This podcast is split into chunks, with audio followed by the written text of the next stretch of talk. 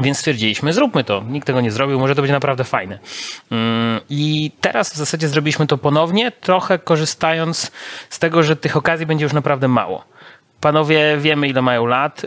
92, 98 to jest w ogóle wynik absolutnie kosmiczny i dalej całkiem niezłej formie odpowiadają na pytania, ale mimo wszystko każdy ma z tyłu głowy, że każde takie spotkanie może być tym ostatnim i to jest społeczność, która po prostu wyznaje podobne zasady. To zdroworozsądkowe, to budowanie długoterminowego kapitału, to wybieranie tych najlepszych spółek, a nie spekulacyjne szaleństwo. Więc to jest masa ludzi, którzy mają bardzo podobne wartości i którzy raz do roku mogą się tutaj spotkać i mają faktycznie takie swoje święto. Ja zawsze mam z tyłu głowy, że Amerykanie też w ogóle mają zupełnie inny rynek pracy, który zobaczyliśmy w czasie pandemii. Że w ogóle porównywanie naszych rynków pracy to jest jakaś abstrakcja, gdzie, gdzie tam w ogóle jak ktoś słyszy o urlopie macierzyńskim, to w ogóle co my tam robimy w tej kosmicznej Europie, jakie mamy niesamowite rzeczy, że oni tak, nie, no dajcie spokój, nie? Więc z taką sporą radością tłumaczyli, że no właśnie, te takie etapy paniki i euforii, one się zdarzają, ale koniec końców istotne są te zdrowe biznesy długoterminowe i te w portfelu y, radzą sobie najlepiej. Także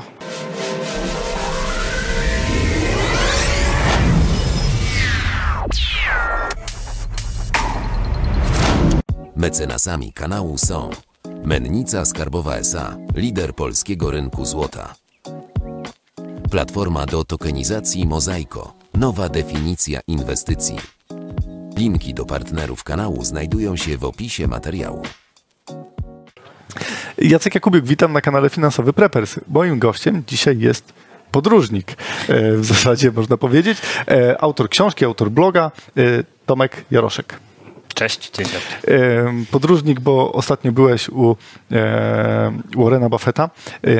Dużo osób pisało w komentarzach pod ostatnim filmem, bo akurat emitowaliśmy podczas twojej podróży ten odcinek, który nagraliśmy wcześniej, że wiedzieliśmy, że nie jesteś u Warrena Buffetta, bo siedzisz tutaj w studio. E, więc ja jakby zaczynamy tak trochę żartem, ale już przechodząc trochę bardziej poważnie, jaka była twoja motywacja, żeby w ogóle pojechać na bo to było walne, tak? Tak, to było nic innego jak walne zgromadzenie, więc jak my myślimy o walnym zgromadzeniu spółki, no to z reguły to jest kilka osób zamkniętych w pokoju z krawatem pod szyją i trzeba uzupełnić kilka dokumentów i w zasadzie rozejść się odhaczona sytuacja. Czasami A... jest woda, ciastka i kawa. No na przykład. I, I jest w tym trochę roboty i głównie w formalności, tak jakby rzadko kiedy sobie myślimy o tym, że och, marzę o tym, żeby wpisać w kalendarz walne zgromadzenie spółki, którą mam w portfelu. No a Warren Buffett przez dobrych kilkadziesiąt lat y, rozkręcał tę imprezę i wpadł na pomysł już dawno, dawno temu, że, że na stołówce pracowniczej mógłby mówić coś więcej o tym, co się dzieje w spółce. No i to przez lata ewoluowało. Więcej ludzi chciało go słuchać, przychodziła większa grupa ludzi, więc on zmienił salę na większą, aż doszedł do momentu, że jest to największa sala w stanie Nebraska, która tam mieści dwadzieścia parę tysięcy y, ludzi. I w tym sposobem jest to takie święto kapitalizmu. Więc to jest, wszyscy mówią, że walne zgromadzenie, ale tak naprawdę ten zjazd akcjonariuszy Warrena Buffetta, no to jest taki ważny event w kalendarzu każdego inwestora w Stanach. No i z naszej perspektywy to jest wielka giełdowa podróż, no bo jednak trzeba polecieć do Stanów, żeby posłuchać. Chociaż y, piękne jest to, że każdy widz może po prostu sobie włączyć transmisję, która jest absolutnie za darmo, absolutnie online i ta część, gdzie można posłuchać Warrena Buffetta i Charlie'ego Mangera przez tych kilka godzin jest zawsze dostępna dla wszystkich. My już tam kiedyś byliśmy z Przemkiem Gershmanem w 2018 roku. Dla nas to było w ogóle przełomowe, że nikt w Polsce wcześniej nie zrobił z tego żadnej relacji, żadna redakcja nie wysłała żadnego dziennikarza. Więc stwierdziliśmy, zróbmy to. Nikt tego nie zrobił, może to będzie naprawdę fajne. Mm, I teraz w zasadzie zrobiliśmy to ponownie, trochę korzystając z tego, że tych okazji będzie już naprawdę mało. Panowie wiemy, ile mają lat. 92, 98 to jest w ogóle wynik absolutnie kosmiczny i dalej całkiem niezłej formie odpowiadają na pytania, ale mimo wszystko każdy ma z tyłu głowy, że każde takie spotkanie może być tym ostatnim. No i plus wszyscy byli ciekawi, co będzie po tej dwuletniej przerwie pandemicznej, gdzie te spotkania były, ale bez publiczności. No i gdzie Buffett znowu był w niełasce inwestorów, że znowu to Buffett się myli, to tym razem będzie inaczej, więc no Buffett też bardzo ewidentnie chciał tego spotkania, żeby powiedzieć, że no nie, jednak znowu wyszło tak, jak chciałem. Okej. Okay. Um, oprócz tego, że um, jakby mieliście cudowną podróż po Stanach, e, to e, jaką, jaką wartość wam to przyniosło? Czego się tam dowiedzieliście? Czy tam były jakieś takie przełomowe informacje, które myślisz, że później wpłyną na twoje finanse i którymi mógłbyś się podzielić z widzami? Wiesz co, to najpierw sprostuję z tą cudowną podróżą, że się śmieję, że my jeździmy tam, żeby nikt więcej nie musiał, bo żeby tam pojechać, to trzeba najpierw przelecieć tych 9 godzin y, z Warszawy do Chicago i później przetransportować się jeszcze z Chicago do Omaha. Tym razem poszliśmy y, w kolej, nie w jakieś autokary i tak dalej, jak radził Buffett, ale w kolej i to było kolejnych 10 godzin, więc generalnie trzeba dobrych 20 parę, 30 godzin w jedną stronę pojechać, żeby usiąść na tym krzesełku i posłuchać Buffetta. Można też go posłuchać w domu online, ale wartość dodana, y, którą ma się naprawdę dużą, to jest rozmowa z tymi innymi akcjonariuszami, którzy są w, zebrani w tym jednym miejscu. Bo nagle no, dosyć relatywnie małe miasto w kontekście całych Stanów, Omaha, zmienia się w takie miejsce, gdzie są inwestorzy z całego świata. I jesteśmy w jakimś motelu, y, żeby po prostu przespać parę godzin, bo zaraz trzeba się ustawić w kolejce i zaraz zaczyna się impreza. I cały ten motel jest wypełniony po brzegi inwestorami y, już nie tylko ze Stanów, ale naprawdę możemy spotkać kogoś z Azji. Y, my jechaliśmy akurat obok na dworcu był Australijczyk, który dosłownie stwierdził, że ja tu chcę zabrać syna, bo już jestem tu piąty raz. Więc dużo osób przyjeżdża tutaj po to, żeby właśnie się przekonać, że ta społeczność istnieje globalnie i to jest społeczność, która po prostu wyznaje podobne zasady. Jest zdroworozsądkowe, to budowanie długoterminowego kapitału, to wybieranie wybieranie tych najlepszych spółek, a nie spekulacyjne szaleństwo. Więc to jest masa ludzi, którzy mają bardzo podobne wartości i którzy raz do roku mogą się tutaj spotkać i mają faktycznie takie swoje święto. Także no, dla mnie to, to jest bardzo duża lekcja z perspektywy polskiego rynku kapitałowego, który jest młodziutki. Więc my tutaj możemy jeszcze popełnić masę błędów. Naprawdę wielu rzeczy jeszcze kompletnie nie mamy, nie czujemy. Dla nas pojęcie długiego terminu jest abstrakcyjne. Jak ktoś mówi długi termin, to sobie myśli o tym, że te akcje może odziedziczyć moje dziecko albo mój wnuk. A my jak mówimy długi termin, no to możemy konkretną datę podać, 2025. Nie? To, to, to, to uczy trochę tej pokory, że my jesteśmy jeszcze w takim bardzo wczesnym momencie, jeśli chodzi o rynek kapitałowy. Także no, tak w ramach społeczności tej inwestycyjnej polskiej my też stamtąd chcieliśmy jak najwięcej czerpać. To przypomina mi się sytuacja, jak byłem kiedyś na giełdzie papierów wartościowych i e, prezentację miała spółka drogowa, która opowiadała o tym, że wtedy zaczynał się taki boom autostradowy. Opowiadała, że e, prawdopodobnie, że to jest inwestycja właśnie długoterminowa, 30, 35, 40 lat. Było takie poruszenie wśród inwestorów, ale jak to? No to my nie będziemy korzystać z tych pieniędzy, co nasze dzieci, nasze wnuki? Nie. No, co on gada? Długoterminowo? Nie? Jakby to są zupełnie, zupełnie dwa inne podejścia. E, jakie jeszcze różnice widzisz pomiędzy jakby taką e, mentalnością w Polsce, a jakby tym środowiskiem, które się tam zebrało? Mówimy o taką mentalność inwestycyjną. Dla nas na pewno ważne było to, że oni mają taki bias amerykański. W sensie, no oni są amerykańskimi inwestorami, więc jak mówimy o tak zwanym pojęciu home bias, czyli że zaczynamy najpierw inwestować na naszym rynku kapitałowym rodzimym, czy ja zawsze sobie tak, taki daję przykład, że ktoś się rodzi w Japonii, interesuje się giełdą, to ma najpierw japońskie akcje, Niemiec ma niemieckie, Polak ma polskie. No Amerykanin ma amerykańskie i on z marszu jest w najlepszej sytuacji, bo ma tak jakby amerykański rynek kapitałowy to jest około 53% całego rynku kapitałowego na świecie, więc on ma ten najlepszy z marszu. I oni mają taką postawę, że to właśnie America First. Warren Buffett też zawsze daje do zrozumienia, że nigdy nie stawia przeciwko Stanom, że to ten dolar jest najważniejszy. Tam co jakiś czas, no teraz ze względu na pandemię już tego nie było, ale co roku od wielu lat przyjeżdżały specjalne delegacje z Chin po to, żeby dopchać się jakoś i zadać mu to pytanie, dlaczego nie powinien, że może czas już zainwestować w Chiny, że to jest takie rozwijająca się gospodarka. Tam co roku były olbrzymie delegacje no, w tym roku y, siłą rzeczy ze względów właśnie pandemicznych y, mało osób zdecydowanie widzieliśmy w ogóle z Azji, ale, ale to ich podejście jest zupełnie inne niż nasze. No, to, no i kwestia waluty, położenia, tego właśnie jaki to jest młody rynek. I też byliśmy ciekawi, no bo kurczę, no oprócz pandemii, no to teraz się wydarzała wojna. No i gospodarczo jeszcze inflacja, którą wreszcie Amerykanie poczuli, więc też to było troszkę inaczej, że to my sobie mówimy o naszej inflacji, no a teraz już troszeczkę inaczej y, odczuli to też Amerykanie po portfelach, więc y, to było zupełnie inne spojrzenie. Jak tam były pytania o wojnę, no to no my się poczuwamy tutaj, no, no to już właściwie prawie, prawie my tu jesteśmy w centrum wydarzeń, tak? To, to, to, my najbliżej pomagamy. Każdy Amerykanin też od razu, jak słyszał, że jesteśmy z Polski, to w zasadzie pytali tylko o wojnę. Wtedy, kiedyś to jeszcze było po co tu jesteście i tak dalej, a teraz tylko nie, jak jest na froncie. Nie? Więc, więc z ich perspektywy pytanie było, czy może to doprowadzić do wojny nuklearnej. Bo ich to obchodzi. Tak jakby z tej perspektywy amerykańskiego inwestora, to co się dzieje w Europie, to, że jest zagrożenie Rosji i tak dalej, no to dla nich to jest, czy to będzie trzecia wojna światowa. Więc oni są bardzo mocno nastawieni na swoją najpotężniejszą gospodarkę. Więc jak to byśmy położyli tego polskiego inwestora i amerykańskiego, no to, to nasze otoczenie jest zupełnie inne. Mamy ileś dodatkowych czynników, które, no, na które musimy patrzeć. E, no i bardzo ciekawe było to ich spojrzenie na inflację. Mm, Warren Buffett od razu dostał bardzo fajne pytania. Ludzie się trochę przygotowali do tego. No nie co pan, pan myśli o inflacji, tylko bardzo konkretnie. No pan przeżył inflację tu, tu, tu i tu. Więc Warren Buffett ma 70 lat na rynku kapitałowym, więc tutaj już historia się lubi powtarzać.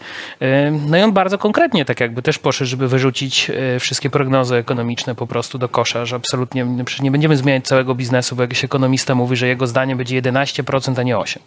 Bo absolutnie, jesteśmy w sytuacji, w której jest duża niewiadoma i teraz tym bardziej najlepsze jakościowo biznesy się obronią bo będą w stanie przerzucić te ceny na klienta. Klient mimo wszystko będzie chciał z tych usług korzystać. No i tym łańcuchu gospodarczym najsłabsze ogniwo wypada. Tak mhm. Tak mocno po amerykańsku. Tym bardziej, że chyba bardziej nam się rysuje stagflacja niż y, jakby sama inflacja. No, a my, ja zawsze mam z tyłu głowy, że Amerykanie też w ogóle mają zupełnie inny rynek pracy, który zobaczyliśmy w czasie pandemii. Że w ogóle porównywanie naszych rynków pracy to jest jakaś abstrakcja, gdzie, gdzie tam w ogóle jak ktoś słyszy o urlopie macierzyńskim, to w ogóle co my tam robimy w tej kosmicznej Europie, jakie my mamy niesamowite rzeczy, że oni tak, nie no, dajcie spokój, nie? Więc no tam Widzieliśmy w czasie pandemii, że miliony ludzi lądowały na bruku z dnia na dzień, a jak tylko obostrzenia były zdejmowane, to miliony ludzi znajdowały zatrudnienie bez problemu i teraz brakuje rąk do pracy. Więc no to jest dosyć ciekawe założenie z tym rynkiem pracy, no bo wszyscy się spodziewają, że wszystkie te spowolnienia prowadzą do tego, że będzie bezrobocie. A doszliśmy do momentu, że to, to, to absolutnie nie ma z tym problemu, a mamy zupełnie inne wyzwania. No więc jest to dosyć ciekawe, chociaż na konferencji stagflacja akurat y, nie padała za bardzo, że oni się raczej nie bali od tego, że Ameryka po prostu zwolni gospodarczo i, i jakoś tu dużych obaw nie było, chociaż no sam Buffett wspominał, że co, co jakiś czas się zdarza. Zresztą panowie z Berkshire wspominali chyba, że trzykrotnie ich akcje zaliczały 50% y, w dół. No i mówi się trudno, tak jakby patrzymy na jakość biznesu, a nie na to, jak szaleją wyceny. No też się odwoływano często do tej euforii, która była przez ostatnie dwa lata. Charlie Munger mógł wreszcie y, powiedzieć to, na co czekał dwa lata, że mówił, że Robin Hood sobie nie poradzi. Ostrzegał. Nikt nie słuchał. 90% chyba już jest spadek od y, najwyższej wyceny. No zresztą wtedy bardzo mocno media to podkreślały, że panowie tego spekulacyjnego podejścia, tej euforii, gdzie każdy wyjmował telefon i kupował opcje na akcje. Bo my z reguły jak mówimy o inwestowaniu, to mówimy o akcjach. Na Amerykanie bardzo często rzucają się na opcje, czyli to już jest w ogóle takie mocno hazardowe podejście. Jeśli podchodzimy do tego, mamy 50% szans, że wejdzie nam transakcja czy nie. Także no to taki zdrowy rozsądek przebijający się z tego. Wydaje mi się, że to jest taka super wartość dodana. My lubimy wpadać w histerię i ze skrajności w skrajność jeszcze na tym młodym rynku kapitałowym biegać, a u nich jest taka naprawdę spokojna postawa. No, no jest inflacja, no musimy to przeżyć i, i na spokojnie skupmy się na naszym biznesie, to czy ona będzie pół roku, rok, no nic nie możemy okay. tym poradzić. Mówisz, że bardzo fajne pytania padały z sali, że ludzie byli przygotowani właśnie o inflację, o, o sytuacje, które gdzieś tam y, przeżyli inwestorzy z dłuższym stażem niż my. I powiedz mi, jakie jeszcze pytania były takie, bardziej odpowiedzi na te pytania, które Twoim zdaniem mogą być kluczowe dla e, inwestorów? Na pewno było bardzo mało rzeczy politycznych. Wydaje mi się, że jak był Donald Trump, to było więcej chęci zadania jakiegoś pytania właśnie w kontekście Trumpa. Akurat tutaj o politykę już mniej było. No bardziej ta wojna i te relacje w ogóle międzynarodowe, zaangażowanie w NATO. No i tak jakby no, czytając między wierszami, czy ta wojna nie przeszkodzi nam we wzroście naszej gospodarki i giełdy. tam, tam naprawdę wszyscy myślą w dużej mierze o pieniądzach, y, więc, więc to jest bardzo, bardzo takie dosyć konkretne spotkanie, mm, gdzie koniec końców jest to przekładane na liczby. Y, inflacja była absolutnym królem tej konferencji w tym roku. E, ja zwróciłem uwagę na jeszcze jedną ciekawą rzecz. E, zresztą Przemek Gerszman nas też w podcaście bardzo dobrze to opisywał, że chyba pierwszy raz inaczej odpowiedziano na pytanie o Bitcoina. No bo panowie dostają od kilku lat pytanie o Bitcoina i prawie zawsze wszyscy wiedzą, że odpowiedź będzie taka sama, że absolutnie Bitcoin nie, nie da się go wycenić, że to jest zły pomysł i tak dalej. Ale tym razem e, bardzo ważna odpowiedź padła ze strony Charlie'ego Mangera, który powiedział wprost, że nie, absolutnie Bitcoin nie, to jest coś, co może zaburzyć klasyczny system monetarny w Stanach i tak dalej. No, to, to była taka pogłębiona odpowiedź, która pokazywała, że panowie odrobili pracę domową, że to nie jest jakiś wynalazek, tylko wiedzą, że to trochę burzy założenia podstawowe systemu amerykańskiego i dlatego to nigdy nie będzie normalny środek płatniczy, który zmienia zasady gry. Więc dla mnie to było takie dosyć ciekawe podejście, że zawsze to było takie śmieszne pytanie, wszyscy wiedzieli, że ono padnie. Czasami panowie nawet wyprzedzali, że nie pytajcie o bitcoina, bo i tak nie wolno w niego inwestować, czy coś takiego. A teraz całkiem na serio to była taka poważna wypowiedź. Że no nie, że bitcoin zburzy ten system, który znamy od dziesięcioleci, więc no nie, to się nie może w ten sposób udać. No i to było dosyć ciekawe, takie czegoś się nie spodziewałem. Przez Amerykanów Buffett jak jest postrzegany w tym momencie jako inwestor? Ja mam takie wrażenie, że na tym spotkaniu y, Buffett mógł wreszcie powiedzieć, a nie mówiłem, bo y, to spotkanie z 2020 roku to, to było to epicentrum wydarzeń pandemicznych. Pandemia wybucha w marcu, mamy gigantyczne spadki na giełdzie.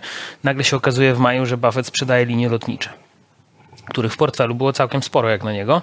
Y, no i wszystkie media oczywiście piszą, co on robi, jak cudem. A Buffett wychodzi z założenia, że tu nie o akcje chodzi, nie o ceny, które się zmieniają, tylko o biznes. I wtedy padły takie słowa, że akcje, lot, akcje linii lotniczych nie mają szans właściwie te spółki odrobić tych strat bardzo szybko, że to zmienia całą tę branżę na lata. No i wiadomo, media bardzo szybko y, wydają wyroki. Y, w 2000 roku y, Buffetta już skreślano całkowicie, kiedy jego fundusz przegrywał z tymi technologicznymi spółkami. Kilka razy w historii już generalnie Buffetta media przekreślały, że to już koniec Warrena. No i tak też się zdarzyło w 2020. W 2021 nadal mieliśmy dużą przewagę spółek technologicznych, nadal zerowe stopy procentowe, nadal wielki fundusz Katie Woods, Elona Muska, który piął się w tej tabeli najbogatszych ludzi, bo akcje Tesla Tesli frunęły oczywiście do góry.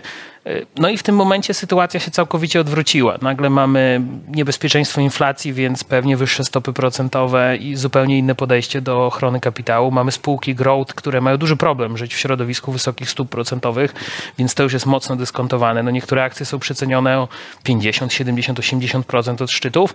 No i nagle Berkshire Hathaway, gdzie jedna akcja w pewnym momencie już była po ponad 500 tysięcy dolarów, więc takie ATH spółki, która no zawsze się mówi, że to jest taki, taki value i absolutnie nie tam tylko czysta technologia. No i też zawsze e, te śmieszne komentarze, że Buffett się nie zna na technologii, więc niech przestanie się wypowiadać. No może się nie zna na technologii, ale od 2016 pakował tyle tego Apple'a do portfela, że ten Apple naprawdę dał dużo zarobić w tamtych latach, więc mm, dziadek Warren zawsze pokazuje tę pozycję, która już ma 40 chyba procent w całym portfelu Berkshire, no i no, trudno się tutaj kłócić, że Apple to jest value, ale to jest technologia i jeszcze płaci dywidendy więc w tym przypadku wyszło całkiem fajnie. Ja mam takie wrażenie, że to był taki triumf po prostu Buffetta i, i Mangera i, i, chyba tego panowie potrzebowali, bo z taką sporą radością tłumaczyli, że no właśnie, te takie etapy paniki i euforii, one się zdarzają, ale koniec końców istotne są te zdrowe biznesy długoterminowe i te w portfelu y, radzą sobie najlepiej. Także wydaje mi się, że taki wydźwięk tej konferencji jednak pozostanie. No i królowa inflacja, o której wspomniałem, której wreszcie przestraszyli się troszkę Amerykanie w portfelach. Na koniec odcinka mamy taką tradycję, że każdy z gości ma dla nas taką złotą myśl. Kamera jest twoja. Korzystajcie z takich sytuacji, w których możecie mieć bardzo dużo wiedzy kompletnie za darmo. Bardzo często szukamy jakiegoś złotego środka, jak inwestuje Buffett, jakie on ma tajemne metody i tak dalej, a tak naprawdę raz do roku możemy przeczytać od niego dedykowany list dla akcjonariusza i raz do roku możemy kilka godzin za darmo słuchać właśnie tej sesji, na którą ja specjalnie poleciałem do Omaha. Korzystajmy z tego, póki możemy. Ja zapraszam Was również zupełnie za darmo po wiedzę do, na podcasty do Ciebie, do Tomka. E, tam na pewno znajdziecie bardziej obszerne e, relacje z całej tej imprezy, plus jeszcze na pewno każdy z widzów znajdzie jakiś materiał dla siebie, który na pewno mu pomoże. Dziękuję Wam bardzo za dziś. Napiszcie jeszcze w komentarzach, co Wy myślicie o inflacji i czy bardziej stagflacja, czy inflacja, a czy w Stanach, czy w Europie i do zobaczenia za tydzień. Cześć.